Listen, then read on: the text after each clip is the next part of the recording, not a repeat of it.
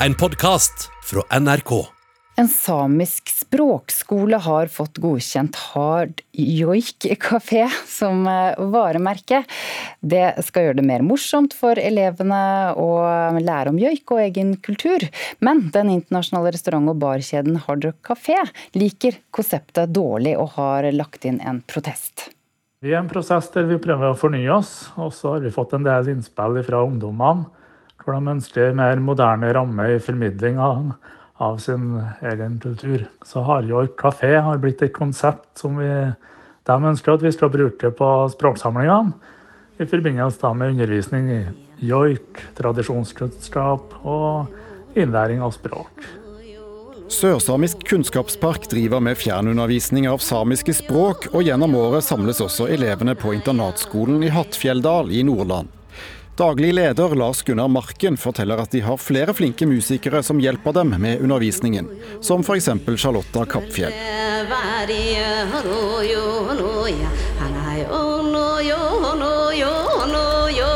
Skolen har fått registrert Hard Joik kafé som et varemerke hos Patentstyret. For elevene har opplevd at frasen gjerne har blitt brukt til å gjøre narr av kulturen deres.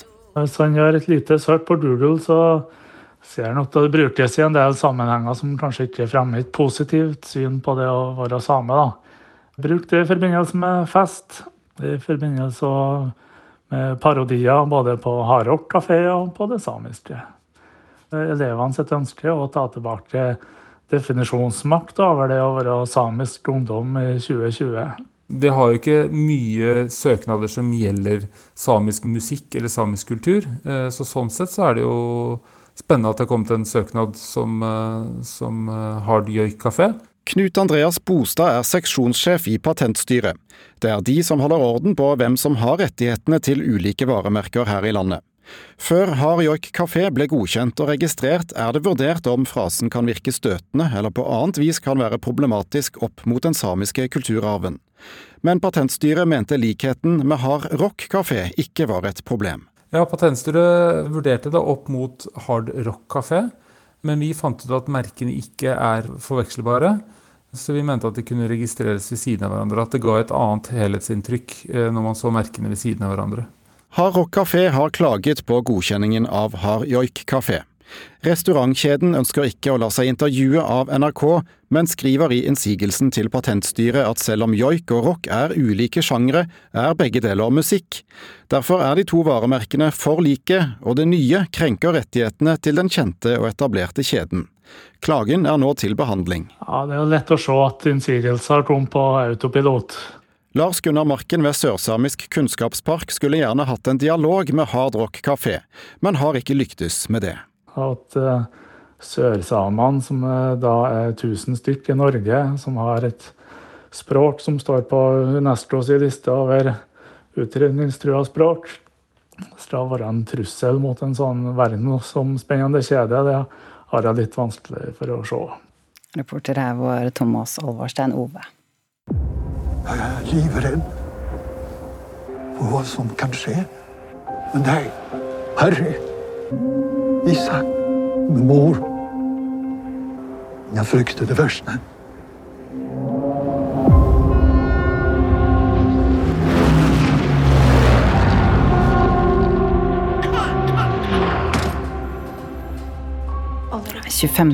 desember, første juledag, hadde filmen 'Den største forbrytelsen' premiere. Den er en filmatisering av Marte Michelets bok om eh, deportasjonen av norske jøder under andre verdenskrig, med bl.a. Jakob Oftebro og Nicolai Kleve Broch i hovedrollene. Regissør Eirik Svensson, god morgen. God morgen. Du har fått en sekser i, i eh, Dagsavisen. Mode Steinkjer har anmeldt filmen der. Hva, hva, er det som gjør at um, en sånn film om andre verdenskrig igjen engasjerer? Jeg tror at denne filmen skiller seg ganske mye fra andre andre verdenskrig-filmer vi har sett i Norge. Det er første gang eh, eh, jøden, deportasjonen av de norske jødene blir behandlet på denne måten på film i Norge. og det tror jeg, jeg tror det er på høy tid at vi, at vi, tar tak i den tematikken og jeg selv visste altfor lite om dette før jeg begynte med å lage den filmen. Filmen er jo basert på boken til Marte Michelet. Eh, hennes andre bok, eh, 'Hva visste hjemmefronten', har jo vært omdiskutert eh, de siste årene, og senest denne høsten. Har dere vært redde for at folk skulle blande disse to bøkene? Det er klart Vi har vært bevisst på at, at det er samme forfatter og det er delvis samme tematikk, men filmen, historien filmen tar for seg, den, den har egentlig ikke noe med den andre boka å gjøre. Og det føler jeg at de fleste har begynt å få med seg. Eh, en, en, viktig historie kan kanskje ikke fortelles eh, nok ganger, men hva er egentlig nytt med måten denne historien fortelles på, mener du? For det første at den fortelles på film. Eh, det har vi ikke gjort i Norge på den måten før.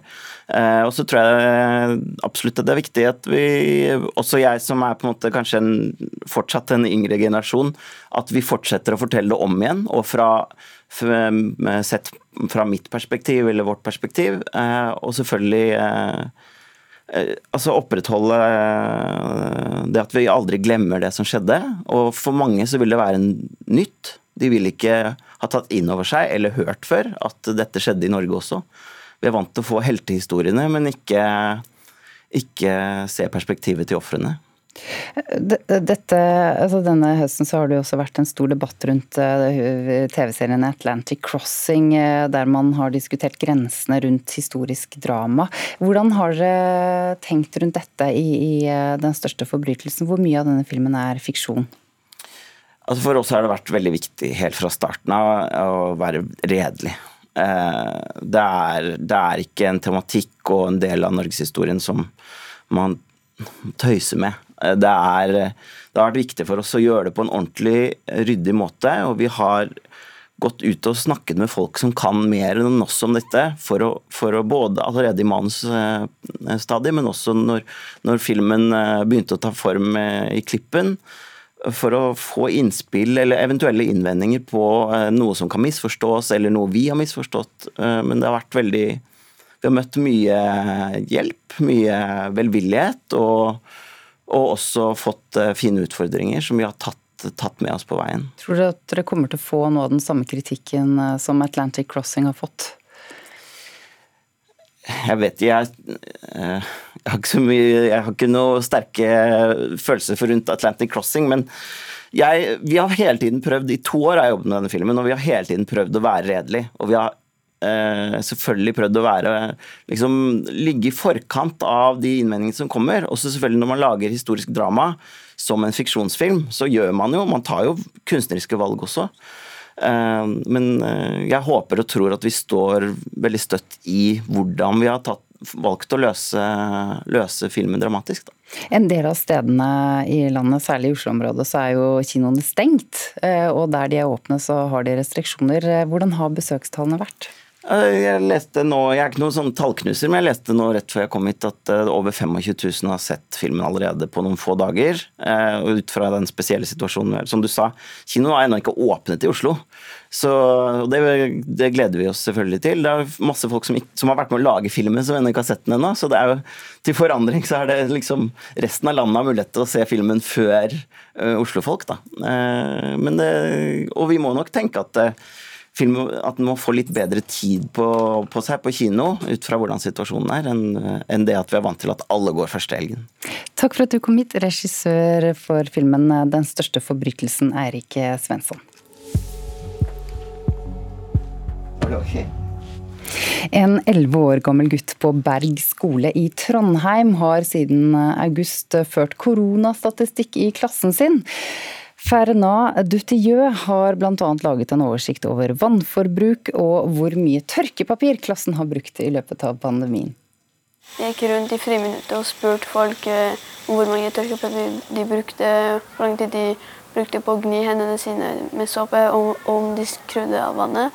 Og så regnet jeg ut statistikk eh, med det. Fernand går altså i sjette klasse ved Berg skole i Trondheim og har siden i august ført statistikk over klassens vaskerutiner og bruk av tørkepapir. Og han har funnet ut mye interessant. Alle bruker ikke samme antall tørkepapir, og gjennomsnittet for alle er 2,6. Eh, på det diagrammet viser det eh, hvor mange bruker hvor mange tørkepapir. Vi kan se at to er det som er mest brukt. Rapporten til 11-åringen viser at klassen hans vil bruke 127 000 tørkepapir i løpet av ett år. Jeg ville bruke sånn, eh, en tema som var lett å undersøke, og som har litt med miljøet å gjøre. Læreren til Fernand heter Jan Andersson. Han er imponert over 11-åringens metodikk og måten han har gått fram på for å lage statistikken. De har jo drevet med et lignende mye mindre prosjekt, sånn eh, telle biler ned Jonsdalsveien og eh, telle busser og elbiler og sånne ting. Sånne små statistiske prosjekt, men ikke i nærheten av det han har satt i gang. da. Det er over til vasking av hender. Gjennomsnittet for alle er ni sekunder. Fem er det som, er det som folk bruker mest, og så er det faktisk noen som bruker 40 sekunder. Så hvis en person som bruker 40 sekunder ikke skrur av vannet, da blir det mye vann som, som eh, er sløst bort. Så hvis strømhastigheten til kranene der vi vasker hendene er lik 5 liter per minutt, så eh, bruker Trine 35 liter vann per dag. Om vi skulle ha vasket hendene et helt år, hadde vi brukt 6812 liter vann. Ja, 11-åringens statistikk har imponert mange. Både Trondheim kommune og Statistisk sentralbyrå mener den er veldig interessant. Statistikkbyrået opplyser til NRK at det omfattende arbeidet han har lagt ned, lover godt for framtida, og de håper han fortsetter å lage god statistikk. Også læreren mener dette lover godt for 11-åringen. Jeg var ikke helt klar over det til å begynne med hva han egentlig drev med. og Jeg så han gikk rundt med penn og papir ute i gangen der og, og sto og noterte og sånn. og så Etter hvert da, så har jeg skjønt at det, hva det ble til. da. Det ble til en ganske omfattende arbeid, ganske stort arbeid han har gjort. Litt og litt og litt og litt blir til slutt veldig mye. Og du er veldig glad i matematikk? Ja. Du syns ikke matematikk er veldig vanskelig? Nei, i hvert fall ikke det vi gjør på skolen. Det sa elleve år gamle Fernand Dutieu. Reportere her var Roger Myhren og Espen Sandmo.